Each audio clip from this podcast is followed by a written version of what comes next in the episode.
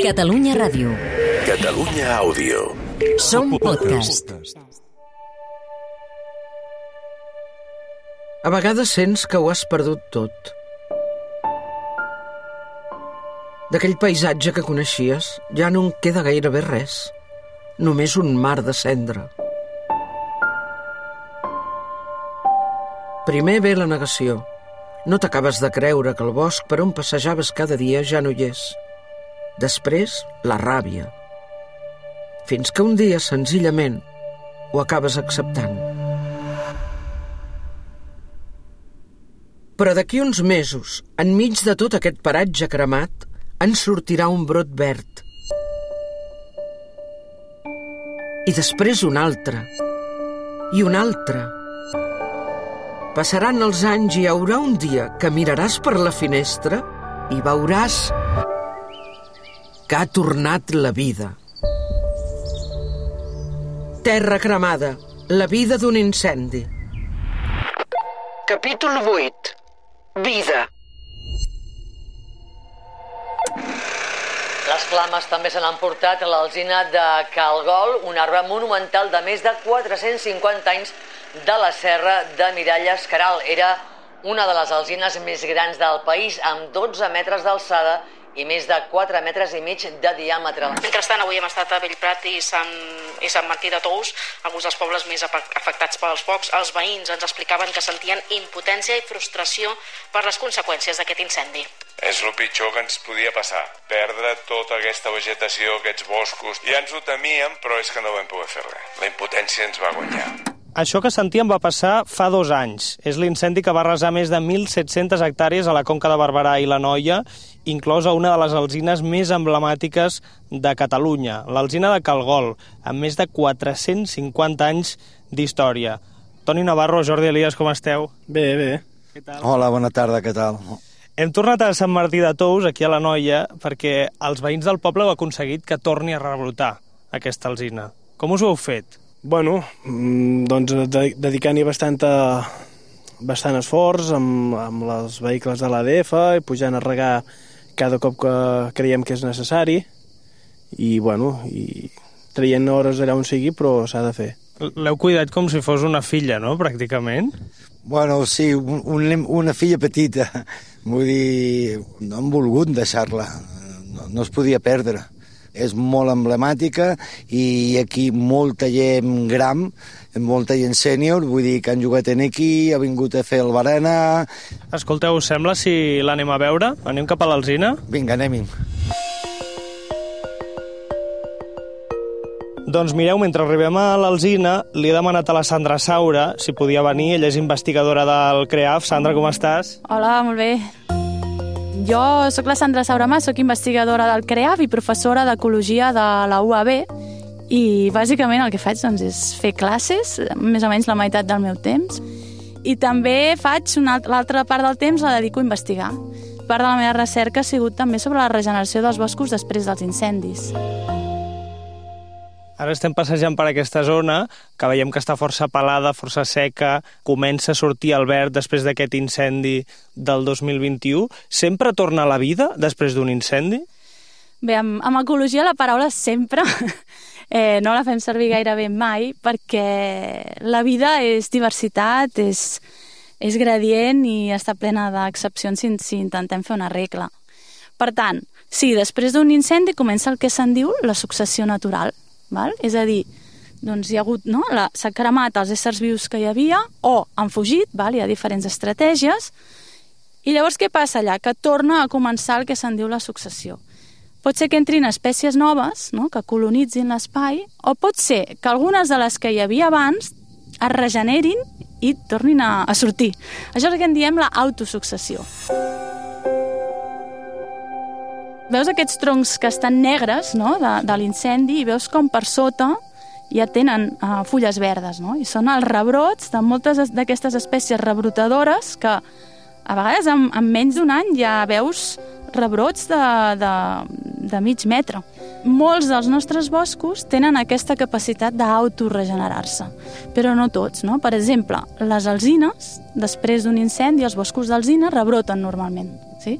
Té unes estructures en les seves tiges que aguanta les altes temperatures i tu vas allà i penses, no, veus, després d'un incendi i t'emociones, no?, perquè veus tot cremat i sembla tot mort, però moltes d'elles no són mortes. Els teixits de vins encara són vius i al cap d'uns mesos, ja, sí, jo diria mesos normalment, poden començar a fer els primers rebrots. En canvi, els pins, per exemple, no, no poden rebrotar, però sí que poden germinar. Són les dues grans estratègies, rebrotar o germinar. Sandra, moltes vegades després d'un incendi pot ser que tinguem la, la necessitat de replantar, de tornar a fer-ho créixer tot, de portar-hi les espècies que hi havia abans. És una bona idea fer-ho immediatament? No, més aviat és recomanable esperar, esperar almenys un any, perquè bueno, les emocions són molt importants i les hem de viure, eh? que a vegades també fem com que no hi són no? I, i estem doncs, patint un dol segurament d'un espai, un paisatge que ja no hi és i el primer que ens surt és doncs, anem a restaurar-lo, anem a fer que sigui com abans. Però a vegades, no? eh, com amb altres emocions, és millor viure-les, deixar-les passar i prendre les decisions més tard. Llavors, si deixem passar almenys un any, podrem veure què s'està regenerant en aquell entorn. I potser ja veurem que no cal replantar, per exemple, perquè doncs, no, les alzines ja estan rebrotant, els brucs també, i de fet, eh, si replantéssim estaríem llançant temps i diners, segurament.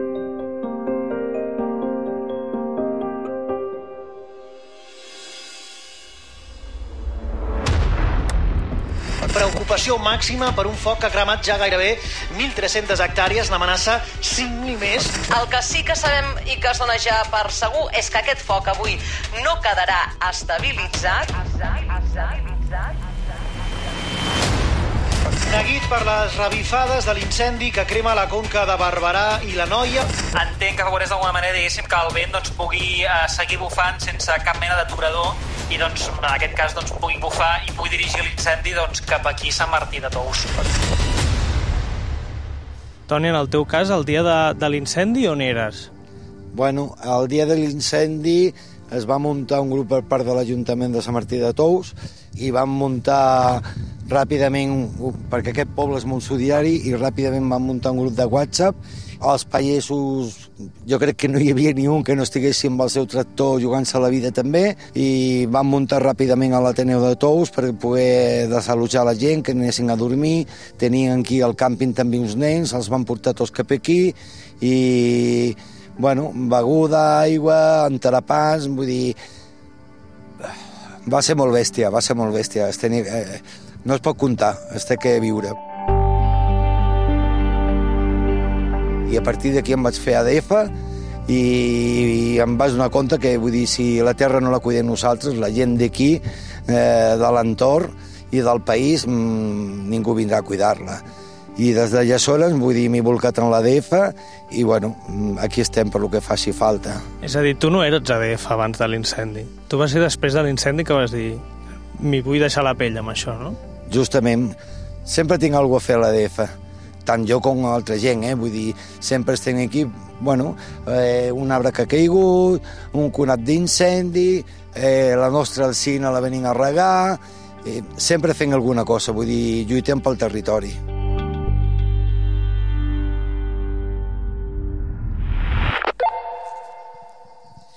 Toni Jordi, ja hi som, ja la tenim aquí al darrere. Pues sí, ja som aquí, ja la podeu... Bueno, la podeu veure, però segurament que la sentiu. En el teu cas l'has vista des de petit, l'alzina? La, sí, des de pràcticament... Des de que vaig néixer i pujat amb uns pares des de petit fins ara, fins que es va cremar fa dos anys. Sí, sí. Quan la vas veure cremada, com et vas quedar? Uah, un estat de xoc brutal. Brutal. Clar, és uns sentiments que, clar, tota la infantesa, jo pujava molts dies aquí dalt. I veure tot això, els records que has tingut i, i tot, amb, que en una tarda va desaparèixer o en poques hores. Gaire, mira, encara se'm fica la pell de gallina, és que no... Encara li corren les llàgrimes, nen, no, no me l'apretis. no, és que, clar, són sentiments molt grans el que es tenia aquí, molt.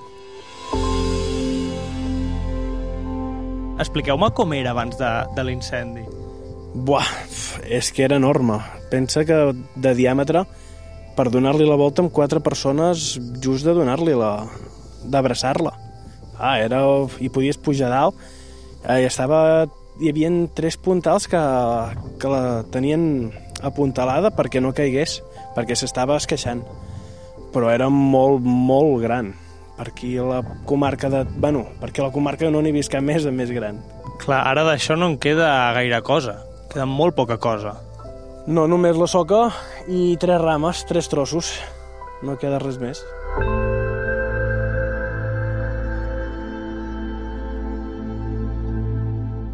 Jordi, veu venir aquí des del dia 1 després de l'incendi? Veu dir això s'ha de salvar sigui com sigui?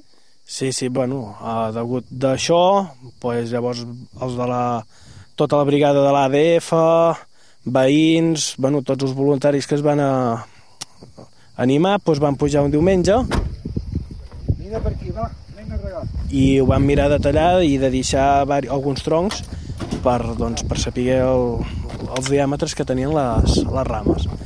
I l'altre ho vam treure tot. Toni, Jordi, quan ara veieu que comencen a sortir aquests brots verds, eh, què penseu? Bueno, contents. Contents de que almenys pugui, que tingui vida i bueno, que torni a créixer algú. Clar, i si hi ha aquests brots verds és en part gràcies a vosaltres. També la feina de molta gent, eh? però en part és feina vostra. Sí, bueno, nostre i de l'Ajuntament i bueno, tots els que hem pogut dedicar un rato aquí. Pensa que Sant Martí de Tous, m'ho torno a dir, ho dic ben, ben alt, eh, són un poble molt, molt solidari.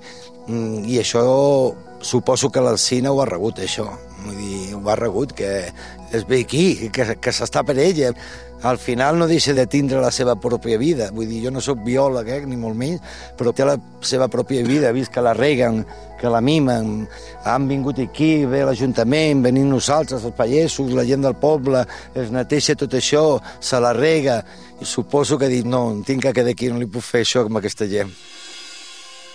Veiem que hi ha algunes parts de l'alzina cremades, completament cremades, que són a terra, que sembla que ningú les hagi tocat des que van caure, des de que es van cremar amb, amb l'incendi. Això per què, per què és així? Això en la gestió d'arbres monumentals, ja, no- normalment el que es fa és deixar també les parts mortes al voltant de l'arbre, per diverses raons. No? Una és de respecte per, per l'arbre, així hi ha tot un tipus de biodiversitat associada a aquest arbre, que els arbres monumentals tenen una biodiversitat dins les seves escorces i fullatges impressionant, i fins i tot quan moren també tenen un, un important rol en la conservació de moltes espècies. Per tant, esperança, eh? Imatge d'esperança. Imatge d'esperança més, veus aquesta forma que fa? És, és preciosa, no? Per un cantó rebrota i per l'altre ens recorda com el que havia estat. Sembla una escultura, eh, pràcticament. Sí, sí, una escultura de la natura.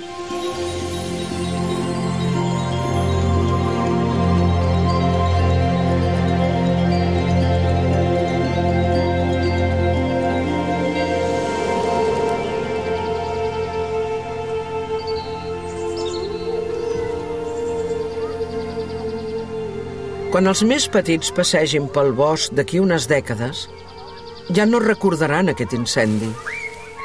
Per ells, aquest espai on ara hi ha vida haurà estat sempre igual, verd, dens i ple d'olors. I és que al cap i a la fi tot torna. Però convé no oblidar el que és a les nostres mans, com la responsabilitat que el nostre país no es converteixi en una terra cremada. Canvi i tallo.